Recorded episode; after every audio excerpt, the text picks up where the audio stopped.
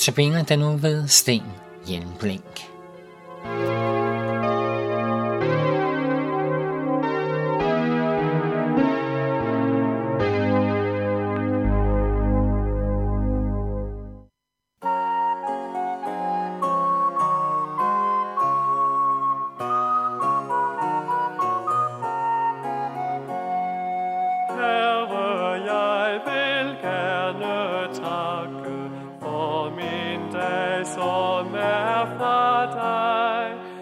Tag von mir.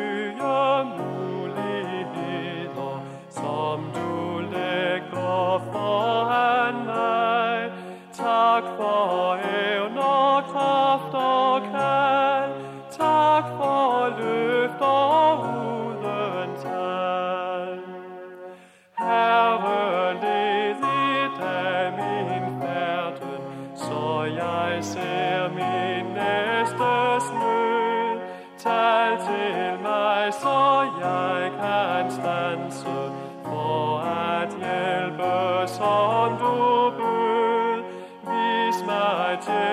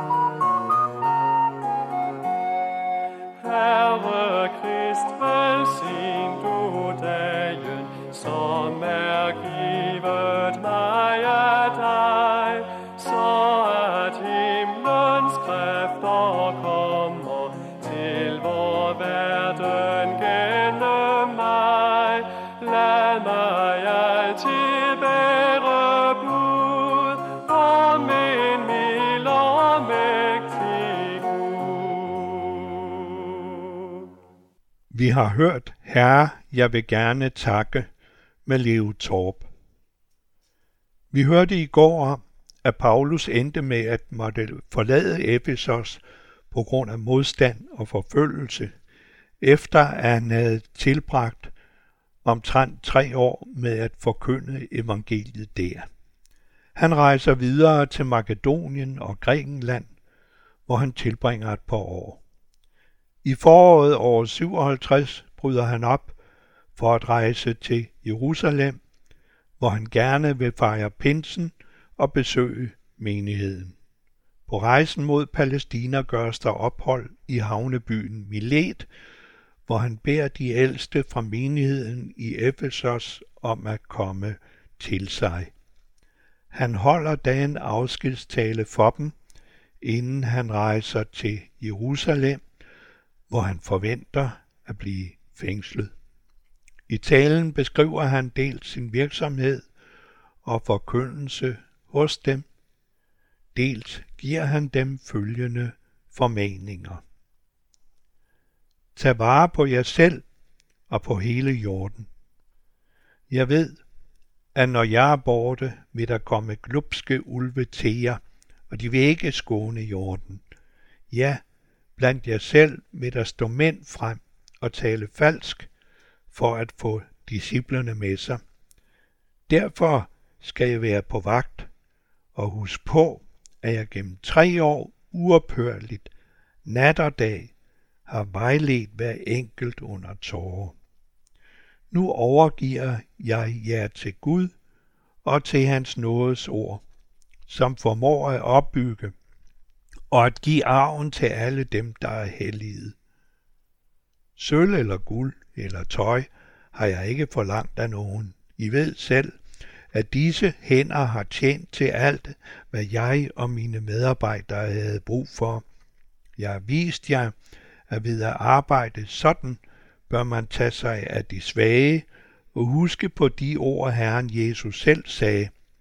Det er saligere at give, end at få. Da Paulus havde sagt det, knælede han og bad sammen med dem. Alle bræst i gråd, og de faldt Paulus om halsen og kyssede ham.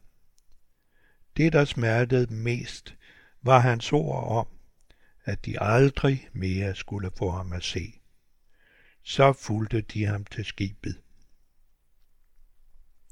I tilbageblik kan man undre sig over, at det lykkedes Paulus og hans hjælpere at få etableret så mange menigheder og nå ud til så mange mennesker med evangeliet, så han fik udbredt kristendommen over en stor del af den vestlige verden.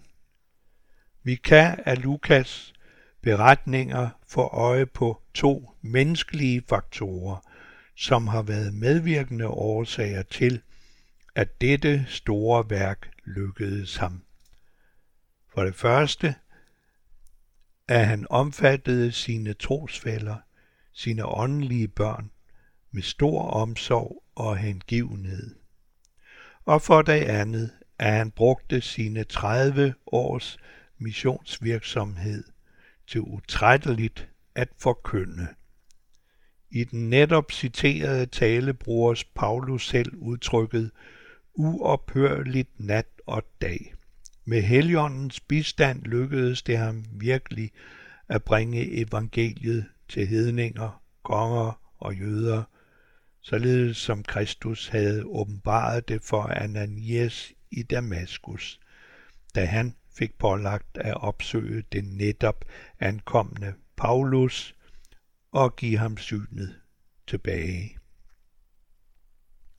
Efter den rørende afsked med de ældste fra Efesos, drager Paulus videre til Jerusalem, hvor han nu, som forudset, bliver fængslet på grund af anklager fra jøderne. De anklagede ham for overalt at prædike mod det jødiske folk og dets lov, og at krænke templet ved at tage grækere med ind i det. Paulus sidder i fængsel i et par år i Caesarea, uden at det kommer til en afgørelse af hans sag. Så kommer der en ny stadholder til Jerusalem, Felix, som genoptager hans sag. Det fører til, at Paulus under påberåbelse af sit romerske statsborgerskab kræver sagen henvist til kejseren i Rom. Efter en lang og farefuld rejse kommer Paulus til Rom, hvor han tilbringer et par år i fangenskab. Også mens han er i fangenskab, fortsætter han med sin forkyndelse og vejledning. Han forkynder for sine omgivelser i det romerske fangenskab og sender breve til nogle af sine menigheder. Et af disse breve kender vi som brevet til Efeserne, og det skal vi tale videre om i morgen. Må Gud velsigne din dag.